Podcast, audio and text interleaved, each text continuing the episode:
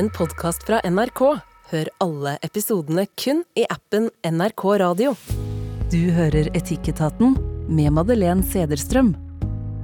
Her en kveld så hørte jeg noen som sa at Etikketaten det er litt som det der samtalet man har når klokka nærmer seg 3.37 på morgenen. Da åpner man for det der litt hudløse, store tankene hva det vil si å være människa. Och det gör man ju allra tryggest och bäst i goda vänners lag. Så varmt välkommen ska du vara kära lytter. Och varmt välkommen till panelet som är programledare och fysiker Zelda Ekis, som i tillägg är skuespiller och standup-komiker, förlagsredaktör, äventyrare, advokat, författare Erling Kagge och empirisk etiker och präst Gunhild Hugdal. Idag ska vi bland annat genom det här. Hvor rik är det moralskt och etiskt OK att vara? Och kan en robot få samma mänskevärd som ett mänske? Gunhild, äger du någonting som är lite uanstendig dyrt? Ja, jeg gjør nok det, altså. Jeg tenker sånn på en eh, kjole jeg har, eh, som eh, jeg ga vel 3000 kroner for, og det syns jeg er overkant å gi for en kjole. Det er ikke noe jeg har vært vant til gjennom livet, å bruke så mye på en kjole. Og jeg bruker den litt for lite òg, liksom, til å rettferdiggjøre her, eh, den summen jeg ga for den, føler jeg. Selda, eier du noe som er litt uanstendig dyrt? Altså, Jeg skulle jo si nei, men når du nevner en kjole til 3000, så tenkte jeg ja, da har jeg nok en kjole jeg ikke bruker for mye, som kosta rundt det òg. Men uh, samtidig så var det noe jeg ønska meg skikkelig mye, og jeg har jo brukt den hver gang det er noe bryllup og sånt, da. Så jeg føler liksom Jeg, jeg liker å si nei, jeg. og Erling, ja, nå kommer vi til deg. Ja, Jeg, mitt svar er nei, og jeg må si til, til eh, Gunhild og Selda at uh, har du kjole til 3000 kroner, så for guds skyld ikke skam dere over den, men bruk, bruk litt oftere. Karina skriver til etikettaten krölalfa nrk.no. Jeg er oppvokst i et hjem der far leste fra Bibelen for oss. Og det er fra Bibelen jeg vil at dere skal diskutere et dilemma. Det står det er lettere for en kamel å komme inn gjennom et nåløye enn for en rik man å komme inn i Guds rike. Nu är jag inte väldigt troende längre, men här ligger det någonting som jag har tänkt mycket på. För hvor rik är det etiskt att vara? Och är det lika uetiskt att eja ett hus med el och bad i en fattig landsby som det är att eja den största hytten i Hafjell i Norge?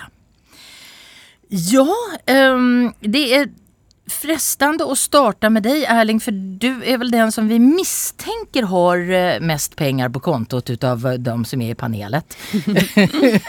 Eh, är, finns det en gräns når det er uetiskt, när man er uetiskt rik? Nei, ikke en gitt eh, grense, det gjør det ikke. Eh, Først og fremst så er, tenker jeg liksom spørsmål som går forut, er jo hvordan man- man er blitt så rik. Eh, Og det er mange måter å bli rik på. og og Da kan man jo eventuelt gjøre ting som ikke er etiske, og da er det jo ikke bra. Men hvis man har eh, oppført seg skikkelig, så tenker jeg at det er eh, helt, helt ok å, å være rik. Og det fins ingen grens der? Nei, jeg syns det er veldig vanskelig å sette én grense. Eh, Det som er fint med mennesker som er veldig rike, det er jo det at de veldig ofte taper pengene sine. At de holder samfunnsøkonomien i, i, i, i sirkulasjon. Eh, Og det er noe av det fine med kapitalismen. Det er mye negativt å si om den, men det er det altså det at eh, formuer kommer og formuer går. Men, så du mener altså at det er processen, har processen til å bli rik vært rettferdig, så er, kan man bli hvor rik som helst? Ja, det synes jeg det er et utgangspunkt. Og så kan jeg si sånn at hvis du har uendelig mye penger, og, og det er eh, veldig store forskjeller, altså at man, noen er veldig fattige og andre er veldig rike, eh, så er det klart at da begynner man å gå inn i sånn grenseland. Eh, hvor man kan si at, eh, at, det, har, at det kan være etisk eh, problematisk. For jeg er ikke helt enig med Erling her, for jeg syns jo uansett om om, om, hvordan du har uh, um, på en måte tjent og samlet eller akkumulert rikdommen din, da, så tror jeg at man når en grense der, man, der det til slutt går utover noen andre at du har så mye. Jeg tenker, Det er ingen som har gjort noe som fortjener så mye penger. Det er litt på siden av spørsmål, sånn som jeg opplevde det. Mm. At du, du, sitter og føler rundt det. Mm. Eh, og det er helt ok. Men det er litt på siden av Nei, det syns jeg ikke. Og etikk og moral er jo følelser. Det er jo kollektiv følelse av hva som er ok og ikke. Hvis du er en sånn person som alle elsker, da, som alle syns mm. er supersympatisk, og har tenkt å gi bort alle pengene mm. til og med før du dør, osv., er det grenser da? Eh, ja, i utgangspunktet, fordi de pengene den personen gir bort, da kunne jo da utgangspunktet vært eh, fellesgode på et eller annet vis, eller spredt på flere mennesker tenker nå jeg. Jeg syns det, det, er noe moralsk feil med å være filthy rich. Men uh, hvor går grensen, syns du? Altså, alle vi nordmenn er jo filter rich etter enhver standard, hvis du bor sør for uh, Ryvingen. Ja, men så kan du ta det ned på, hvis vi ser på landsbasis og individ, individbasis her i Norge. Det fins jo over 100 000 barn som lever under fattigdomsgrensa, liksom. Så, ja, og det er jo selvfølgelig helt forferdelig. Mm. Så, um. så, det er jo, ja. Gunhild, etikeren blant oss. Eh, og, og også prest. Du kjenner godt til det her bibelsitatet. Det er lettere for en kamel å gå gjennom en nåløye enn eh, for en rik mann å, å komme inn i Guds rike. Hva mm. menade Jesus med det? Hva tror du? Uh, ja, hva Jesus mente med det, det, det vil jeg alltid være forsiktig med å si. Uh, men eh, det er i hvert fall en veldig tydelig advarsel mot, uh, mot rikdom i, uh, i, bibelmaterialet som helhet, og en veldig tydelig uh, identifikasjon med, med, de marginaliserte. Med fattige, med farløse, med enker. Det finner du allerede fra, fra Det gamle testamentet. og det videreføres jo i Jesus sin forkynnelse. Eh, og klart, Jeg, jeg syns det er veldig synd at uh, denne Bibelens advarsler mot rikdom, som er veldig sterk og konsekvent da, i bibelmaterialet, ikke har fått en annen virkningshistorie. Da kunne vi hatt en helt annen verden om man har like, hatt like mye fokus på det da, som man tidvis har hatt på seksualmoral opp gjennom århundrene, f.eks. um, Men Gunhild, jeg må bare spørre deg, betyr det her at du uansett hvordan du har, hvordan du har blitt rik, så i Bibelen så, så, er det fel. Det er, det etisk ikke moralsk. Det er ikke moralt det er ikke etisk bra å være rik. Som sådant. Det, det advares mot det. Eh, fordi at eh, eller, Og her er det jo ulike tolkninger, men en av tolkningene er jo at eh, at det handler om at man da får en veldig tillit til seg sjøl i stedet for å ha tillit til Gud, f.eks. Uh, og jeg tenker en fare uh, som er verdt å løfte opp da, når vi snakker om uh, rikdom, er jo Eller alle privilegier kommer jo med både et moralsk ansvar, som er stort, og faren for moralske blindsoner, da. og for jeg tenker noe av Faren med rikdom er jo Det kan lede til en sånn forestilling om berettigelse. En sånn rettighetstankegang. Følelse av at det her fortjener jeg mer enn de andre. Og den tanken er, er farlig. Og skaper jo etiske blindsoner, og skaper jo en insensitivitet, da. Mm. Um, Men er det, er det da forskjellene som er problemet? Er det der det etiske problemet ligger? Det kommer jo litt an på hvem du spør, og om du, om, ja, om du liksom ser på Bibelen, eller du, hvilke eti, etikere du ser på. Eh, når jeg gikk hit eh, nå, i, eh, nå i dag, på vei til studio her, så gikk jeg jo gjennom handlegata i Kristiansand. Og min store svakhet er jo at jeg er jo veldig glad i klær, og alltid lyst på klær. Um, og så assosierte jeg til, og syns liksom egentlig situasjonen minna litt om det her YouTube-videoen med Peter Singer, kjent etiker som sier det at ja, men er det noe forskjell når du går i handlegata og bruker eh, pengene dine på eh, nye fancy sko, f.eks., som kunne ha vært brukt til å redde barn som ikke har tilgang på basale vaksiner. Eh, er det, er det en vesentlig forskjell på det og en situasjon der du bare går på ei strand, går forbi et barn som holder på å drukne fordi du er på vei til butikken for å kjøpe de her skoene som er så viktige for deg. Mm. Um, og her vil jo ulike etikere fra ulike moralfilosofiske tradisjoner De vil svare på ulikt. Noen vil vel si at jo, den her avstanden mellom det barnet du ser holder på å drukne, og de her barna som er eh, som du har mer på avstand, den avstanden har en moralsk relevans. Det at vi føler sterkere empati til, til et menneske som er nært oss, det er ikke noe man skal kimse av. Det Mm. har eh, relevans da, i det etiske regnskapet. Men der, der er det ulikhet. Eh, og utilitarismen er kjemperadikal der på at nei, det, den avstanden er ikke etisk relevant. Men når du snakker om util, utiltalerismen altså jeg, jeg er litt ord, ordblind, så er det noen ord jeg har problemer med. Ja, det er jo en interessant retning i filosofien, den, den er jo også ganske usympatisk. altså med Det å hele tiden tenke på hva er det som gir mest nytte, uavhengig av alt annet rundt. Eh, Det, det er jo sånn prinsipp det er, jeg tror det er helt umulig å leve etter. Men maksimere mer velferd da, for flest mulig. Eh, Og alle involverte parter teller likt. Men mens det mest, den klassisk liberale tolkningen det er at om, om man har oppnådd det her eh, resultatet med å bli rik på en rettferdig måte så er det, då er prosessen rettferdig, og det er det viktige. Er, är, är det litt, lite grann så eller? Jeg tenker det, det er få prosesser her i livet som er rettferdig, fordi mennesker har ulike forutsetninger. Og, men det- det er jo likevel etisk relevant hvordan du har skaffa deg eh, Rikdom. Det er jo selvfølgelig etisk relevant om du har gjort det gjennom eh, eh, mafiavirksomhet og drept x antall mennesker på veien dit, eller om du har eh, gjort det på moralsk legitime måter. Men li likevel så tenker jeg at at hva man gjør med det her resultatet, da, eh, det er ikke etisk irrelevant. Selda, du er jo den som er kanskje mest mistenksom på dette. At man kan være uanstendig rik. Vel, eh, jeg ser jo på at eh, det er en pott med ressurser, kall det penger, da, men det er jo uansett mat eller energiressurser, som en gitt mengde skal egentlig fordele. Og, og jeg tenker at når du har en ekstremt eh, stor rikdom, selv om du har liksom anskaffet deg den, de pengene på en helt eh, superfin, etisk og moralsk riktig måte, så vil eh, effekten av at én person besitter så mye av ressursene, være urettferdig og påvirke andre. Eh, og da er vi sikkert litt inne i den utilarismen, eh, som også Ja, jeg sliter litt med den, ja. Det går veldig fint. Det, Det går veldig bra. Jeg Jag tror ikke ni er alene om det for å si det sånn. du kan si konsekvensetikk. Ja, med konsekvensetikken. Ja, det er at det at den påvirker, eh, selv om det ikke er en direkte liksom Um, hva skal jeg si, At den ikke påvirker mennesker kanskje én til én uh, direkte, så tror jeg at det at noen har så mye rikdom, påvirker eh, mange, mange flere indirekte.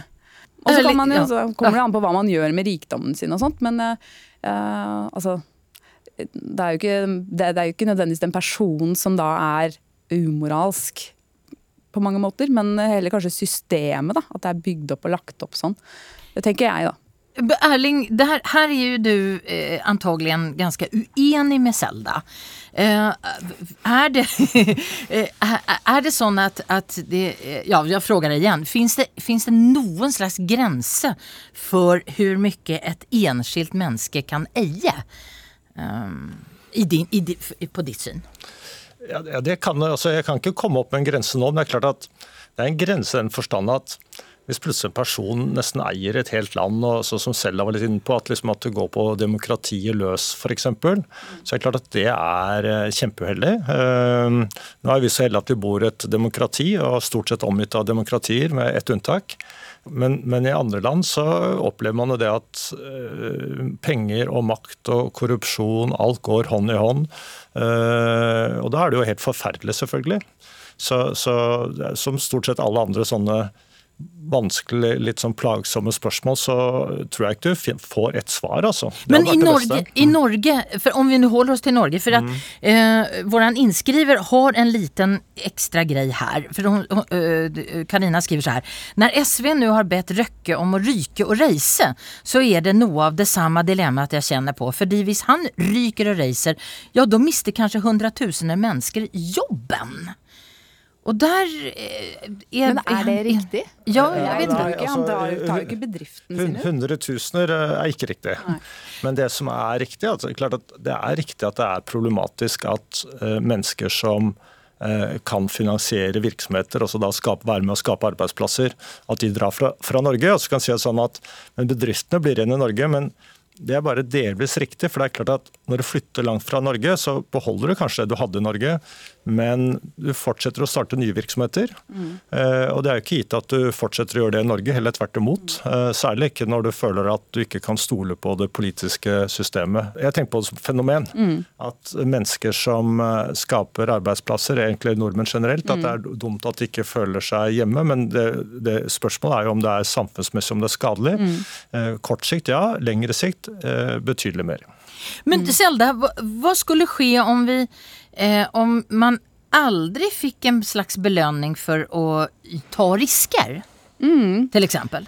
Nei, altså jeg tror jo det, Mennesker er jo veldig forskjellige. Jeg tror det er mange som tar risiko uten at det nødvendigvis trenger å være penger som er belønning. Men eh, jeg tror jo at det, eh, det å skape noe i seg selv er også en drivkraft for ganske mange mennesker. Jeg tror ikke, Vi er ikke så forbanna enkle at det er bare penger som driver oss uh, til å liksom Men ja, mye vil ha mer da etter hvert, jeg veit ikke.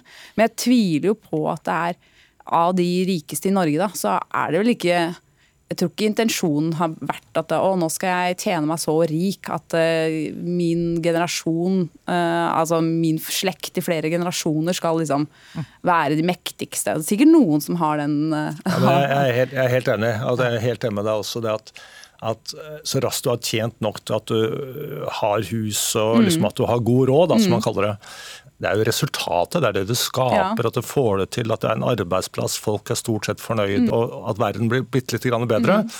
Uh, I tillegg er pengene viktige, men jeg er helt enig at, at det er det som er rekkefølgen. Mm. Først, først, å skape og få til ting, og så kanskje, eller forhåpentligvis tjener du penger på det etterpå. Det finns ju en forskning. Eh, man kunde ju alltså tänka sig att livet blir lite enklare med färre ekonomiska bekymringar. Men gör pengar oss lyckliga? Det här är ju forskare som har tagit tag i det här. Och en eh, berömd eh, man, Daniel Kahneman, han är väl dessutom han är väl Nobelpristagare tror jag i ekonomi. Och Matthew Killingsworth de har varit väldigt uenige i det här. Daniel Kahneman han har i sin forskning kommit fram till att man blir lyckligare av en god lön men att det stoppar på runt 800 000 om året. Och sen blir man liksom inte lyckligare. Medan Killingsworth säger att jo, man blir visst lyckligare. Och så satte de sig ner, gjorde en gemensam ordentlig studie och kom fram till det kjempetråkiga, nemlig at det er en kompromiss ungefär. Ja, noen, noen blir lykkeligere, noen blir ikke lykkeligere. jag og jeg tenkte jeg skulle säga en ting. Nei, för jeg tenker Noe som er underliggende i det Selda si, at det å på en måte ha mye rikdom, eller å, det å ha et samfunn med denne skjeve fordelinga av ressurser, at det strider mot rettferdighet som mm. et etisk ideal. Og det er jo et etisk ideal som står sterkt innenfor ulike moralfilosofiske tradisjoner. Mm. Eh, og rettferdighet forstått som en balanse i samfunnet. Og det er jo det som gjør at mange reagerer på, eh, på rikdom. Denne mangelen på rettferdighet, at ei alenemor som nylig har tatt med seg barna sine, eller kommet som flyktning da, til Norge, og jobber minst like hardt som Røkke, likevel sliter med å få endene til å møtes. Mens andre har råd til x antall boliger og leie ut leiligheter. Ja, apropos sånn forskning, jeg vet ikke om Jo, det faller vel inn under etikkforskning, men det var jo litt tilbake til hvordan man føler seg berettiget til den rikdommen man har. Mm. Og der, Jeg husker ikke hvem eller når, eller det var noen år siden, og sikkert under pandemien, da leste jeg ganske mye rart. Men da var det en studie som hadde sett på hvordan om folk følte seg berettiget til den uh, formuen de hadde. da. Og da var det jo rikere du var, jo mer berettiget følte du at jo, men det her har jeg fortjent og fattig for. Det her var fra USA, da, så det kan jo være annerledes her i Norge, selvfølgelig. Men at man da De følte seg Nei, da fattige kan bare skylde på seg selv. Jeg har arvet disse pengene, og det fortjener jeg. Selv om jeg ikke nødvendigvis har jobbet for dem. Da var det mange sånne underkategorier om du hadde arvet eller fortjent det selv, eller bla, bla, bla. Men uh, ja, der var det en sånn tydelig skille på at jo mer du har, jo mer føler du at det har du rett og krav på.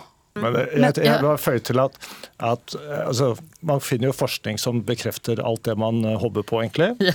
uh, og jeg tror Hvis man har reist en god del og vært mye rundt og lest en del, og sånn, så er verden bare rett og slett mer sammensatt. Men det som er riktig, det er jo det at selvfølgelig folkeeventyrene her i Norge, så lærer vi jo at fattige mennesker er stillere enn rike mennesker. Og Ser man på Exit, så lærer man jo det samme. Og ser man på White Lotus, så lærer man også det Mm. samme. Jeg tror det handler veldig mye også om at eh, folk bare elsker å få bekreftet at rike mennesker er helt forferdelige. Ja, men ellers så kan kan det også være... og det er også en av grunnene til at de selv ikke er rike, for de er ikke så følelseskalde. At disse menneskene de har liksom sånn stålbørstete kjøkken. Eh, eh, Han er vakker, hun er vakker, og kanskje enda vakrere enn han. Og de har sånne og sånne biler og bor i sånne og sånne hus. Men de er følelseskalde. Ja, Det er kanskje en karikert versjon, men jeg tror det er en lite, noen drypp av sannhet. Det er jo lettere å sette seg inn i andre situasjoner hvis du har gått gjennom samme skiten sjøl. Men hva vet du om ikke rike mennesker har gått gjennom like mye traumatiske ting? Ja, ja, det, ikke sant? og de er kanskje snillere da enn de som ikke har gjort det. Og så finnes det sikkert fattige, slemme mennesker, og så, som du sier, så nei, er nei, nei, nei, verden er nok hakket mer komplisert. Ja. Gunhild, du skal få lov å sum it up for oss innan vi går videre. Ja, du, jeg, jeg, har egentlig lyst til å fortelle. Jeg satt og, I dag så satt jeg og forberedte morgendagens forelesning i etikk, eh, og leste om nærhetsetikken og Løgstrup, blant annet. Eh, som sier at i ethvert møte med et annet menneske, så har vi en del av dets liv i våre hender. Det kan være mye eller lite, men det er den etiske fordring som møter oss og det, jeg vil tenke i forhold til rikdom at uh, uh, hva er den etiske fordringen? I forhold til forbruk, f.eks. For Når vi snakker om rikdom i dag, så ligger jo på en måte forbruk som en del der. Og, uh, hva, slags, hva slags forbruksmønster er etisk legitim? Både med tanke på klima og med tanke på eh, fattigdomsproblematikk og urettferdighet. Da. Jeg tenker når man har mye, eh, da og den etiske fordring må tolkes. Den som är väldigt eh, stark måste också vara väldigt snäll, säger Pippi. Ja. Ska vi säga det? Hon var rik också, hon hade en hel kappsäck full med pengar. Hun gir jo til og med penger til de tjuvene som prøver å stjele den hele tida. Hon gör det. Ja, ja. Så hon kanske är ett etiskt förebild.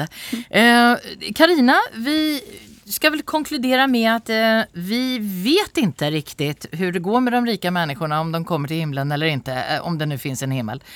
Tusen tack för detta. Då ska vi vidare till nästa tema. Programledare och fysiker Zelda Ekis, eh, förlagsredaktör och äventyrare Erling Kagge, empirisk etiker och präst Gunhild Hugdal. Hej, skriver Kjell till etikettaten eh, Alfa NRK NO. På min arbetsplats så har vi ett garderobanlägg där besökande stadig glömmer sina kläder. En gång i månaden så samlas de här genglemte kläderna i en kasse och sättes fram för salg för en billig penning. Och där fann jag en jacka. En fin och dyr och vacker jacka som passet mig helt perfekt och jag betalade 25 kronor och var lycklig. Och så kom jag hem och så ser jag att det ligger en lapp i lommen på jackan och där utifrån den lappen så förstår jag vem det är som har ejd denna jacka. Nu står jag i ett etiskt dilemma. Ska jag ta kontakt med den här ägaren och lämna tillbaka jackan eller ska jag behålla den själv? Jag har ju köpt den. Okej, vi börjar.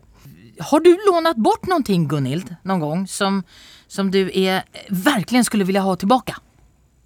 Du, stadig vekk, altså, egentlig til min mann, og han glemmer svært ofte å gi det tilbake. Så nå etter hvert som vi har vært sammen noen år, så uh, passer jeg veldig godt på. Hur, hur är det med deg, Erling? Har du lånt bort noe som du aldri har fått tilbake, og som du erger deg litt for? Nei. Nei. aldri? Låner du ikke ut noe, helt enkelt? jo, jo, jo, men eh, jeg er ikke så veldig bekymret over det, egentlig. Karavanen går videre. Nei, jeg eh, ikke Jo, kanskje eh, Det var ikke helt utlånet, men jeg hadde Jeg samla på Donald og Larssons gale verden-blader da jeg var litt yngre. Ja. Og da jeg flytta liksom hjemmefra fra hybel til hybel, så samla de seg opp hjemme hos mamma. Og så bare blei de der, så det er jo egentlig min skyld. Men så oppdaget jeg at det var noen som hadde begynt å bla i de bladene og rota til systemet mitt. og og, liksom, åh, og da var det, og de hadde tatt med seg litt hjem, og det, hadde, det fulgte ikke numrene, og jeg fikk aldri de bladene tilbake. Uh, det var lillesøstera mi, så jeg får de hvis jeg spør, men jeg hadde ikke helt hjerte til å spørre. Men akkurat det, da kjente jeg på at hmm, det her Hun eh, har solgt dem på eBay, vet du. Å nei da, de skal jeg knuge og helt uh, til jeg liksom ligger i grava. Ja. Gunhild, vi, vi börjar med deg. Er dette en typisk pliktetisk spörsmål? Gå tilbake med jakken eller beholde den? Man kan uh, si det, at uh, pliktetikken er veldig aktuell. i det spørsmålet. Det, vi jobber veldig pliktetisk med det hjemme. Jeg har to, to barn, eller fire barn, men de to yngste fire og fem. Og der uh, jobber vi veldig pliktetisk med å få inn denne regelen om at uh, vi kan ikke ta noe bare fordi vi finner det, uh, når det ikke er vårt. Sjøl om noen andre har mista det så kan vi ikke ta så kan vi inte göra det. Ja. Ja. Eh, är det, är det, det här, I det här fallet så är det då en människa som har eh, glömt den här jackan. Och, och är det inte så då att vi eh, tycker att eh, ja, men har man glömt dem så har man glömt det? Det kan man tenke. Eh, og det som jeg merker meg der, er jo, er jo hvordan eh, Hvordan innsender har liksom dårlig samvittighet, er veldig moralsk ambivalent, og samtidig liksom forsøker seg å legge et sånt moralsk blikk på, på denne glemsomheten, da. Eh, som jeg tenker er en veldig sånn allmennmenneskelig tendens, at vi, at vi har lyst til å forklare andre mennesker sin tilkortkommenhet, da, eller glemsomhet, som umoral. Og så er det jo svært eh, sjelden umoral eller eh, latskap det handler om, men helt andre ting. Men her er det jo en menneske som eh, har kjøpt den her. Han har, lagt, han har faktisk lagt 25 kroner for å kjøpe den jakken. Endrer Ändrar det saken litt? grann? Jeg syns ikke det. Han vet jo at det ikke er hans jakke, og han har plages med det og sender e-post eh, inn til programmet her. Så han vet jo hva som er riktig, så han liksom sliter mellom det som er riktig og sin egen griskhet på den jakken. Han har lust på denne jakken. La oss si jackan. en jakke koster 3000 kroner, da, forholdes til fastesummen, og så kjøper den for 25. Du vet at det henger ikke på greip. Og da er du på en måte ikke god tro når du gjør det. Og, så han bør kontakte den personen og si at dette er situasjonen. Zelda, du är... Eh, Altså, ja. jeg, altså, Fra et eh, moralsk ståsted så er det riktig å gjøre, men jeg tenker jo hvis han er en person som kan leve godt med den jakka, tenker jeg ok, men da får du beholde den, da. Fordi eh, hvis du ikke plages med det, så tenker jeg da veit jo ikke han som har glemt den, han er jo Han er uvetande. Det vet Ja. ikke. Men man, man, man vet jo ikke. Så, men det kommer jo helt an på denne personen. Hvis den personen er eh, ja, helt kald innvendig og, innvendig, og ikke føler på noe slags problem å gå rundt med den jakka, ikke føler at han må skjule den når han har den på seg på jobb, eh, i tilfelle han møter den personen som kan kjenne igjen. Hvis han syns det er null stress, så tenker jeg ja, da kan du beholde den. Men hvilke, hvilke etiske eh, verdier er det du, du til grunn der? Ah, nei, der er det jo ingenting. Jeg syns det er moralsk forkastelig at han skal beholde den. Eh, men jeg bare tenker liksom for å gi han et råd om hvis han virkelig vil beholde den, og tenker at han ikke får vondt i hjertet sitt, så da kan du sikkert klare å beholde den. Men uh, etisk sett så er jo det riktige å levere den, eller i hvert fall ta kontakt med den og så høre du, jeg har den, her er situasjonen. Selda, du du, du var helt enkelt lite ironisk her. Ja. Just det. Kjell, Men det hon- finnes ja. sånne folk. Ja, det gjør det. Og de er veldig rike. Nei da. Men Selda, spiller det noen roll om, Og vi sier nå at Kjell, Kjell som har, nu har kjøpt denne jakken for 25 kroner. Spiller det noen roll om då han vet om denne mennesken som ej, eide ursprungligen at jackan, han er en, han er en drittsekk? han er en kjemperik drittsekk? Etisk sett, nei. Men hvis det gjør at han kan gå med den jakka uten å ha vondt i hjertet, ja. Erling, hvis, han, hvis jeg vet at den her som ägde jackan er en drittsekk og kjemperik Nei, Etisk sett spiller ikke det rolle, men jeg skjønner at det kan slå ut på følelsene. Gunhild, fins det, no, finns det någon etik som sier at om noen, om noen er drittsekk og, og kjemperik, kämperik så kan man få lov å ta? Kanskje etisk egoisme, men, eh, men det er ikke noe- jeg ville forsvart eh, etisk. Nei, jeg tenker helt uavhengig. Og uavhengig av eh, hvem denne personen er, og hva som er årsaken til at han har glemt det her. Det kan jo være tusen gode grunner til at den jakka ble glemt, og ikke har blitt uh, henta i etterkant.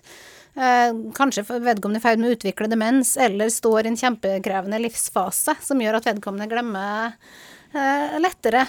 Eller må ta og prioritere andre hensyn, da. Eh, barn som tisser på seg eller greier. Eh, så er det sånn at eh, ja, bør implisere kan, og her har han muligheten til å gi tilbake noe verdifullt til en person som har mista det. Og da blir han gladere antagelig? Han som, eh, han, begge to blir gladere, kanskje? Ja, og det er jo tydelig at, at innskriver allerede føler på den her dårlige samvittigheten og empatien, og er liksom veldig sånn ambivalent, da.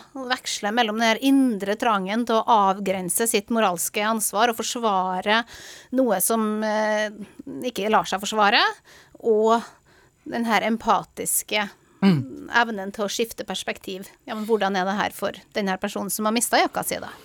Vi tolkar det dit hen, vi som sitter her nå i panelet, at du har skrevet in og derfor så har du den her moralske ambivalensen.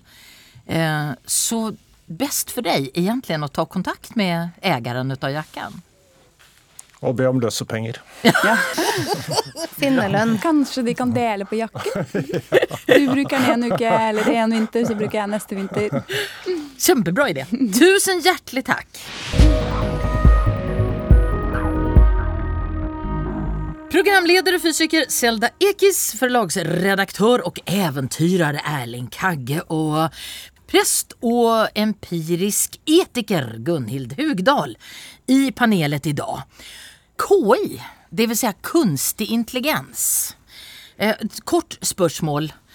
Zelda, är du rädd for den fremtidige kunstige intelligensen?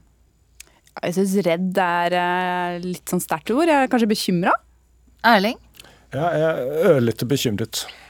Men mest optimistisk. Gunhild? Jeg, jeg istemmer bekymringa. Det interessante er jo at de som har greie på det, de er jo nå blitt spurt nå nylig, en stor undersøkelse. og Muligheten for at det skal få katastrofale følger, det som foregår nå, ble anslått til å være 5% Så det er jo interessant at de fremste ekspertene i verden ser at det er en, en mulighet, en liten mulighet for at det går helt galt vei. Mm. Og Stephen Hawking, fysiker som nå er død, da, han var jo også noe av det siste han sa. Ja, det var sa. nest siste. Nest siste. Ja, men- For helt på slutten så ble han litt mer positiv. Ja. Men han, var, han hadde Ja. betenkeligheter. Han hadde bet- ja, just det. Georg har skrevet til etikettaten nrk.no. Hei! Jeg har en nøtt som jeg gjerne vil at dere skal prøve å knekke. For en tid tilbake så var jeg på et arrangement i Oslo Spektrum med Brian Cox. Ni vet astrofysikeren som overtok etter den legendariske Carl Sagan som hele TV-verdens romekspert. Brian snakket om oss mennesker og definerte oss som en sekk med informasjon med hud rundt. Og det, sier Brian, betyder att i praktiken i framtiden så kan du lasta upp all information som är du. For så å återskapa deg, for eksempel på en anplanet på andre änden av universet om några miljarder år. Og da lurer jeg på, er det egentlig noe vesens forskjell mellom meg som menneske, hvis jeg er en sekk med informasjon med hud rundt, og en fremtidig, avansert og selvmedveten KI, altså kunstig intelligens, en robot? Og hvis vi klarer å skape en kunstig intelligens i fremtiden som er medveten om seg selv, og som er frigjort fra biologien, trengs verkligen vi mennesker da? Hvis man klarer å lage en La oss kalle det en robot, da. eh, Som er, har de samme forutsetningene til å kjenne vær og vind og trykkforskjeller og kjenne liksom livet rundt oss i 3D, så blir det jo helt på slutten der kanskje ikke noe forskjell. Men så kommer det an på eh, Nå er ikke jeg religiøs, da, men eh, da, jeg tenker da, da er det kanskje det som kan avgjøre en, en viss eh, form for eh, forskjell. Men det er jo en serie som heter Altered Carbon, som går akkurat på det samme, der mennesker kan leve i eh, flere hundre tusener av år. Der de, hele deiget er i en chip i nakken, og så hvis du har lyst til å bare bytte skin, som de kaller det, som er liksom kroppen, så kan du bare plassere den ut i en ny klone av deg, som også har opplevd det samme etter hvert. Det som skjer med dem, er jo at de blir helt koko gærne etter å ha levd så mye, fordi vi er ikke lagd. Sinnet vårt er ikke, vi er ikke ment til å leve så lenge, da. Men um, Hvorfor, hva- hvorfor det? Nei, jeg tror ja, De kommer aldri inn på det. Det er bare sånn en Det, er- det Det er en sannhet, er sånn. liksom. Jeg har et lite moment der, altså, akkurat på det at, at hvis, du, hvis, du, hvis du etter hvert får inntrykk av at du kan leve evig, Mm. eh, så blir livet helt umulig. Altså, jeg har hatt en diskusjon med kjæresten min flere ganger, og, det, og det, hun vil gjerne vil leve lengst mulig. Men et av verdens eldste råd er selvfølgelig at du skal, må alltid huske at du skal dø. Og, og, og, og hvis du ikke tror at du skal dø, så vil jo ikke handlingene dine ha noen konsekvenser. Så du kan egentlig gjøre absolutt hva du vil i livet, stort sett, da, pluss-minus, mm. og bare dunke videre. Og da vil jo livet fremstå som meningsløst. Og sannsynligvis så blir den mest vanlige dødsårsaken selvmord. Ja. Jeg er helt enig. Og så er det jo litt sånn, det kjenner jo alle voksne mennesker, alt falmer jo etter hvert. Og så tenker jeg at man har en, et gitt sett med nerver i hjernen og nervebaner du kan lage. Det er sikkert ganske mange, men hvis vi kan leve uendelig, da, så tror jeg man fyller opp alle nervebanene til slutt. Og da bare Ja, da er det er, en krakk og en tråd, da. dette, dette, er, dette er oss mennesker. Men om vi konstruerer en mm, robot som kan leve evig, så kanskje ikke de har samme problem. Nei, ja, de har vel noen hardware-restriksjoner etter hvert, de òg. Jo- Spørsmålet var jo også at de har bevissthet. Ja. Så, så da man, begynner man å komme inn på tilgrensende problemstillinger. i hvert fall. Gunhild, er det noen vesens forskjell som du ser det, mellom eh, da, eh, innskriverens eh, menneske og den fremtidige bevisste roboten? Et spørsmål i den sammenheng blir jo kan menneskelig bevissthet eh, reduseres til, til data som bare bearbeider info, da. Eh, AI, eller kunstig intelligens eh, eh, Teknologien er jo bærer av et menneskesyn. Som har, et menneskesyn som er prega av eh, rasjonalisme, veldig vektlegging av menneskets fornuft, på bekostning av andre egenskaper, sånn som følelser. Og dermed oppstår denne oppfatninga av at eh, at ikke-menneskelige systemer da, og roboter er analog til menneskelig bevissthet. Men har, som du ser det, har mennesken en sjel som ikke går å forklare vetenskapligt? Eh, ambivalent eh, til. Jeg har ikke noen sånn veldig sterk mening om det, men det er sånn er jo liksom i at i vår, i vår tid, hvor eh, kirka slutta å snakke om sjelen, så har jo eh, sjelens vitenskap, da psykologien, eh, har jo et hegemoni uten like.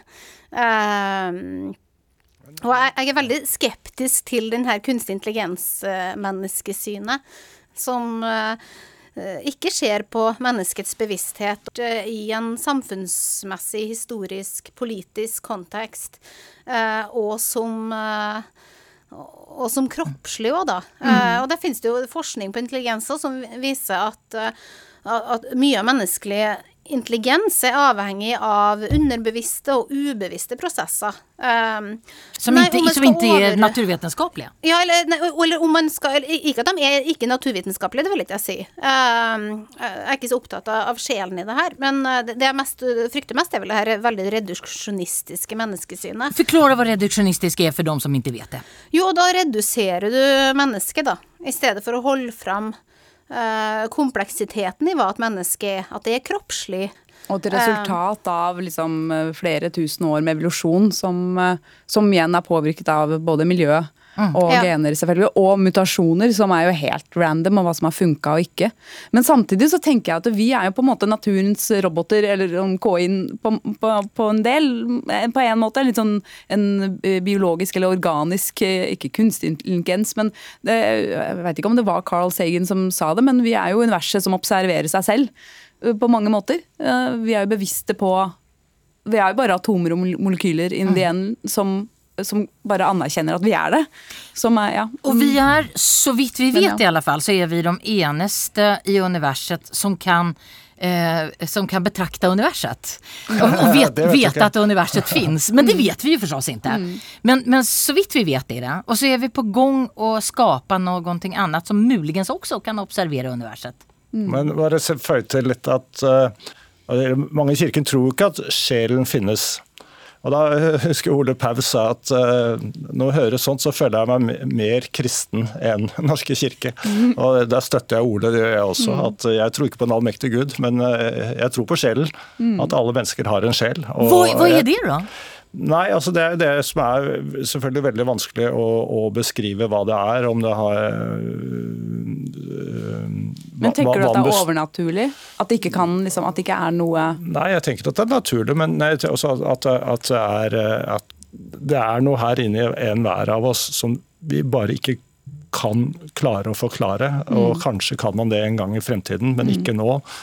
Hvis det har vært mye i naturen, og begynner å tro at ikke ting har en sjel rundt deg, og ikke du har en sjel, det er naturstridig. Iallfall for meg og for veldig mange andre også. Det finnes sikkert mange mennesker som er ateister som har vært mye i naturen, men stort sett alle jeg kjenner, de føler at det er noe som er større enn deg selv der ute.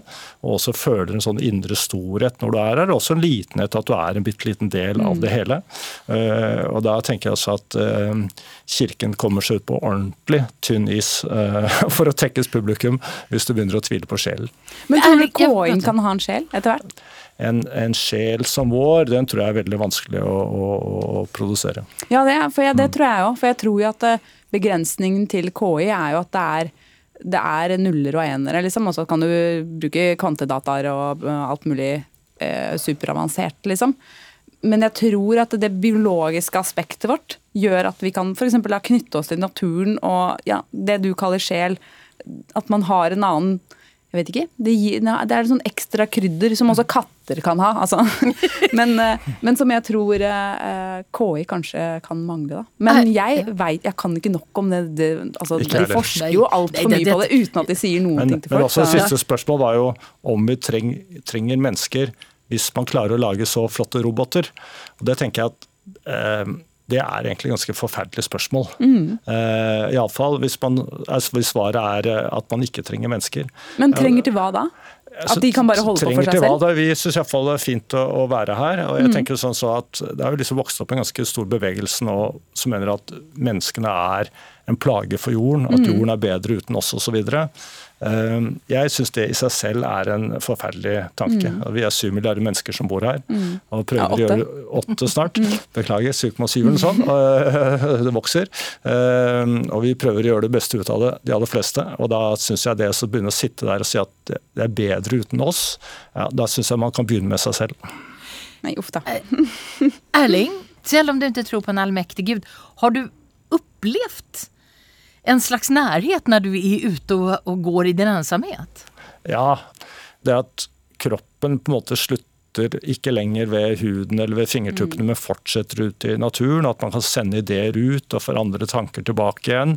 trenger ikke være noe super lovnaturlig ved det, og sånn, men, men, men den opplevelsen der, å komme tettere på hele skaperverket eh, For meg er det også en religiøs eh, opplevelse.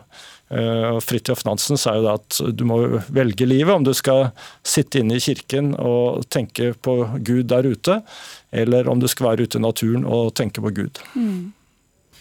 hvorfor er det en forferdelig tanke at jorden skulle kunne klara seg bra uten oss? Hvis vi tenker oss en, en kunstig intelligens eller roboter som er bedre på å ta vare på jorden enn hva vi mennesker er, hadde ikke det vært bra? Hva sier du Gunhild?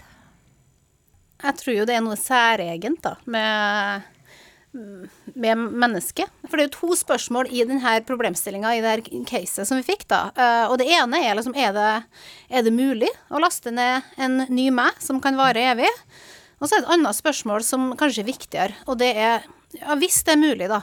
Har det noe å si for oss? Eh, Og det er jo et filosofisk og moralsk eh, spørsmål. Mm, ja, vi forutsetter at det er mulig. Og då, Ja. Og da er det frågan om Ja, hva er Og, og da mm, må vi jo på en måte Vi må venne oss til de spørsmåla som kanskje menneskeheten alltid Som alltid har vært sentral for menneskeheten, da. Men hva, hva er viktig? Hva er meningsfullt? Hva er verdifullt? Hva slags samfunn vil vi ha? Eh, skal vi, hvordan skal vi forholde oss til ikke-menneskelige dyr? Hvordan skal vi forholde oss til hverandre? andre Andre mennesker? Eh, det, er jo, det er jo de spørsmåla som er sentrale eh, og viktige, tenker jeg. Men det er jo litt sånn spennende tanke å tenke ok, vi er redd for KI for de kan liksom, ok, de kan utslette oss fordi de har, eh, verden er mye bedre uten oss og bla bla bla. Men, og ja, vi er ikke så bra for planeten sånn med måten vi lever på og formerer oss på. Det kan jo hende vi er et slags KI-prosjekt eh, moder jord hadde en gang i tida, som bare har ballet på seg og som bare oi, ja det var, ja det er bra da, men åh, det her gikk det litt over eh, styret egentlig. Og, men det ordner seg jo òg. Jeg tenker liksom om vi ja, om trengs mennesker da, hvis svaret er nei, så er jo det ja, det er jo som du sier, da, Erling, det er jo veldig sånn selvutslettende Og trengs, anerkjennelse. Trengs for hva? Vi har vært, på, vi har vært øh, eksistert i 300 000 år, pluss minus, og vi blir jo borte igjen. Det eneste som er sikkert. Erling, eh, du sa at det hadde vært en forferdelig tanke å tenke at mennesken ikke finnes på jorden. Hva Nei, jeg synes syns at det er en forferdelig tanke å tenke liksom at, at uh, mennesker er en plage for jorden, og at verden er bedre tjent med at ikke vi er her. Jeg tenker at det altså, Jeg er veldig usikker på hvilken målestokk man bruker da, hvilke Jeg tror man man, tenker bruker. litt sånn veldig sett fra månen. Ja. eh, blikket, liksom. Og da kan man Ja, jo, man kan til dels være enig i det, men jeg er helt enig på sånn Hvis du har det som en sånn kjerneidentitet, okay. så er det jo ekstremt selvdestruktivt. Og det strider jo igjen med det å være menneske, føler jeg. Eller alle, alle instinkter. Godt sagt. Det sa du bedre enn meg. Bare hyggelig. Så er ni redde sånn egentlig for det som kommer? Ja, jeg mener jo altså, altså Skal man se det sånn i et sånt menneskelig Hvor lenge menneskeheten varer-perspektiv, så er det ikke så farlig, for vi kommer jo til å bli borte en gang, vi òg. Men i nær framtid De kan jo øh, bli så uh, smarte at de kan endre lover og regler og være fare for demokratiet, altså direkte.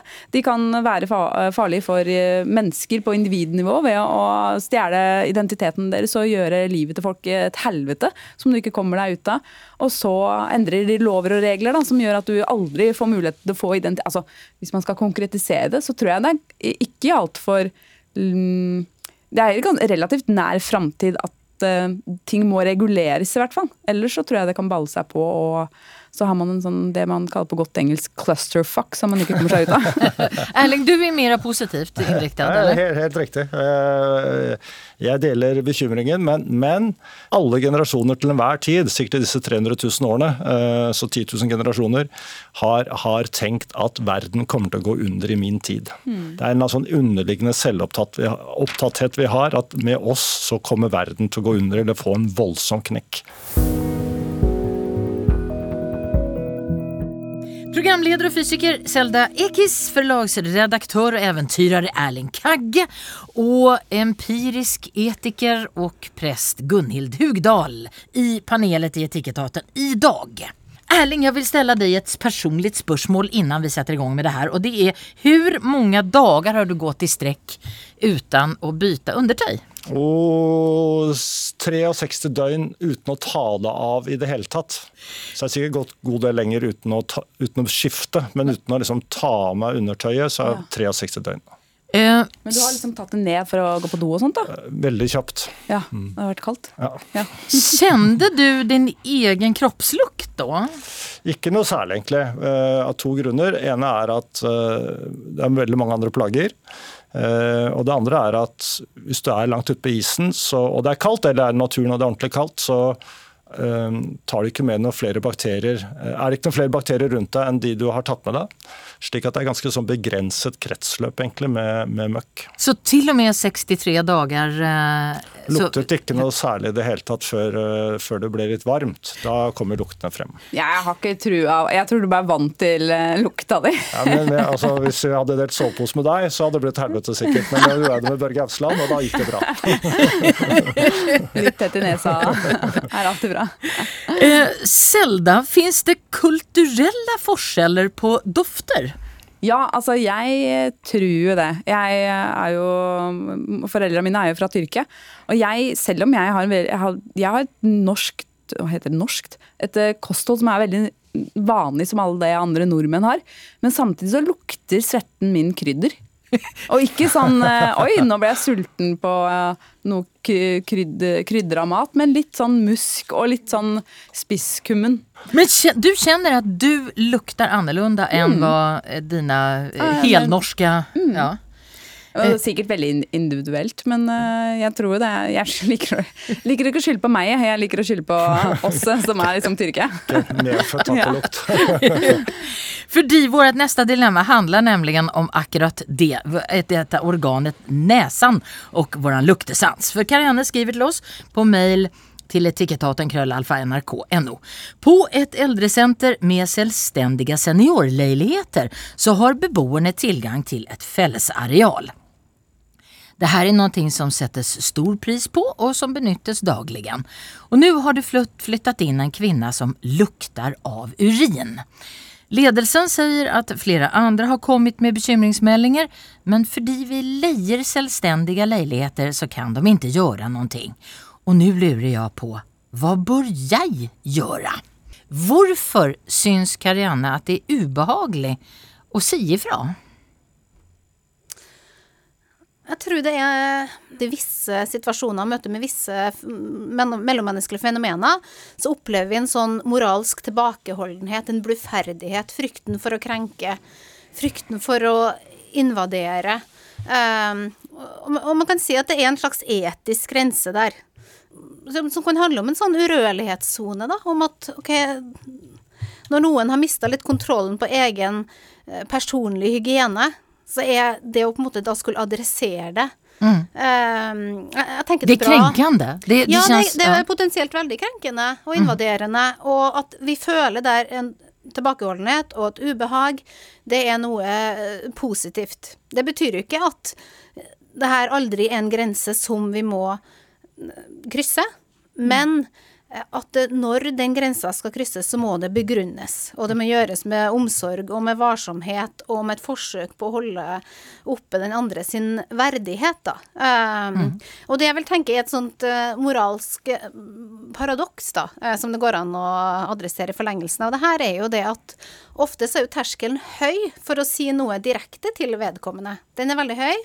Um, men terskelen for å slarve litt og snakke litt om den her som lukter i, eh, i det sosiale fellesskapet, den er lav. Og kanskje for lav. Um, Så man, så man sitter og slarver om det men man, adress, man sier ikke direkte til personen? Ja, ja, ja det, jeg vil jo tenke at det, at det er en menneskelig tendens til mm. at det er lettere å, å slarve litt om den enn å på en måte forsøke å adressere vanskelige ting da, på en god måte til den det gjelder. Erling, jeg vet at du har snakket om eh, det her med å ta litt eh, de enkla valgen i livet. Eh, Tillhör det her en, en av dem? Ja, jeg syns at uh, svaret er gitt. At uh, du må bare velge. Enten så må du gjøre noe med det. eh, ikke sende bekymringsmeldinger, men du må snakke med den personen.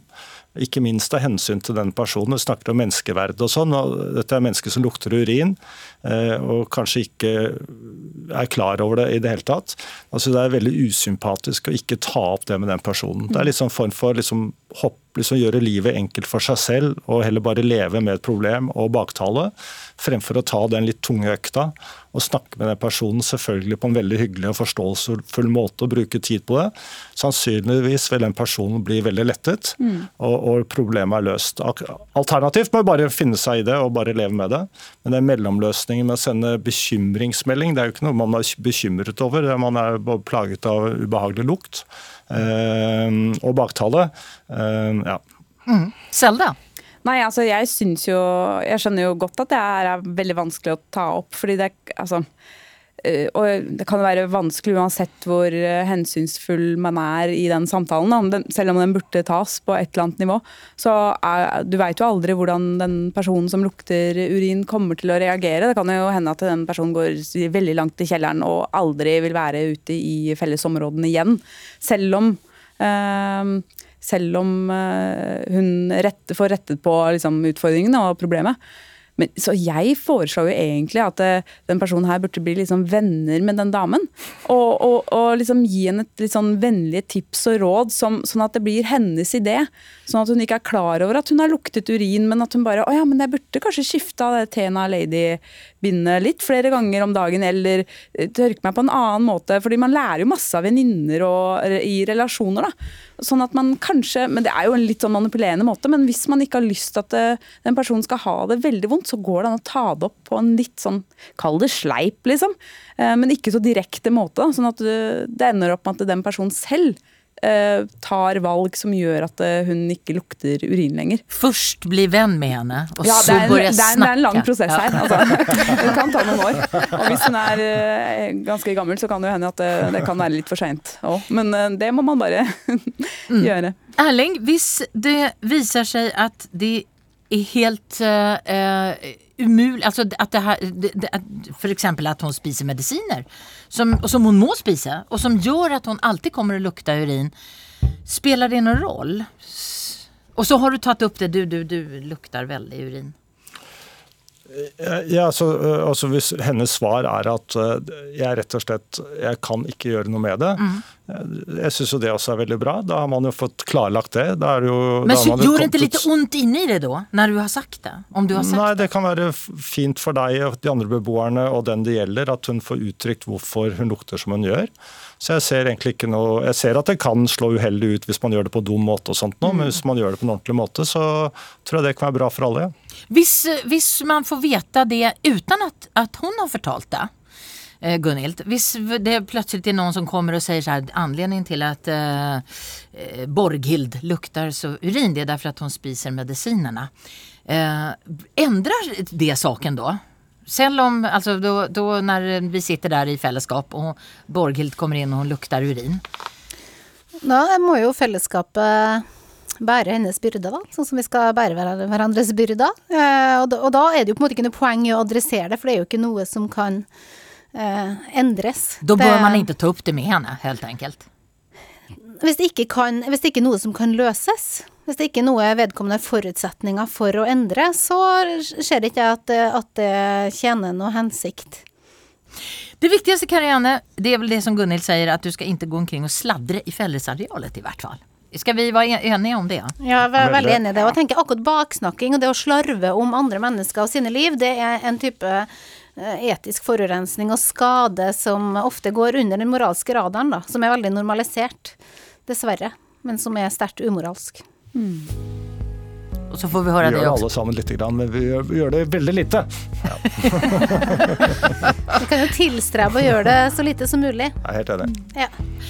Har du en fryktelig rik onkel, så tips dem gjerne om denne episoden av Etikettaten.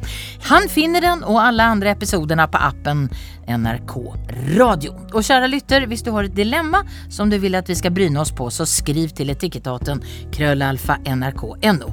Takk til dagens panel, programleder og fysiker Selda Ekis, forlagsredaktør og eventyrer Erling Kagge och prest og empirisk etiker Gunhild Hugdal. Etikettaten gjøres av Hege Strømsnes, Hanne Næss Tremoen og meg, Madeleine Cederström. Sköt om er, ta vare på hverandre. Du har hørt en podkast fra NRK. Hør alle episodene kun i appen NRK Radio.